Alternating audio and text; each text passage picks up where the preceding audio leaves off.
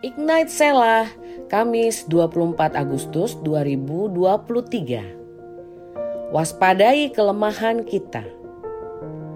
Shalom Sobat Ignite, setiap manusia pasti memiliki kelemahan.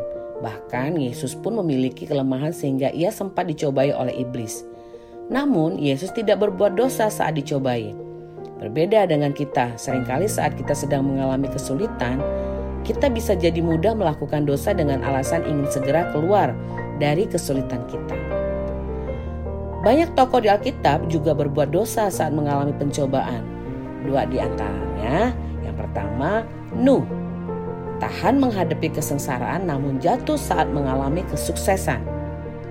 Nuh dapat bertahan dalam masa-masa sulit membangun bahtera dan mengalami air bah. Setelah peristiwa air bah, Nuh tercatat sebagai manusia pertama yang bertani kebun anggur. Namun sayangnya, Nuh juga adalah manusia pertama yang dicatat sebagai pemabuk karena anggur. Yang kedua, Simpson. Fisiknya sangat kuat, namun kekuatannya hilang jika rambutnya dipotong. Simpson dapat menang saat dikeroyok oleh seribu orang hanya dengan bersenjatakan rahang keledai.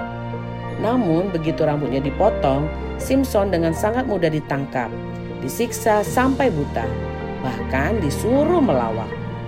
Bagaimana caranya supaya kita tidak berbuat dosa saat kelemahan kita diuji melalui berbagai kesulitan yang kita alami?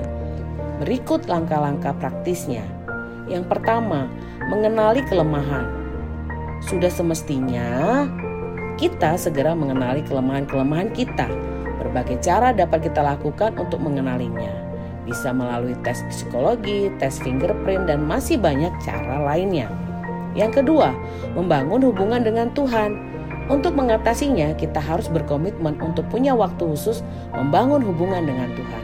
Caranya yaitu dengan saat teduh, merenungkan firman Tuhan, dan berdoa. Dan yang ketiga, mengantisipasi terbiasa membuat perencanaan. Lima gadis bijaksana mengantisipasi dengan membuat perencanaan yaitu membawa minyak cadangan. Lima gadis yang bodoh terbiasa berpikir, ah biasa aja, gimana nanti. Akhirnya, lima gadis bodoh tersebut yang tidak mengantisipasi situasi menerima konsekuensi dari kebodohannya yaitu ketinggalan pesta. Maka dari itu, mari Sobat Ignite sama-sama kita lakukan bagian kita Mari kita mengenali kelemahan kita, lalu kita harus membangun hubungan yang intim dengan Tuhan, supaya Ia menjaga setiap langkah kita. Yang terakhir, buatlah perencanaan, baik perencanaan studi, perencanaan keuangan, perencanaan karir, dan sebagainya. Dan tentunya tetap semangat dalam Tuhan. Selamat beraktivitas Sobat Ignite. Tuhan Yesus memberkatimu.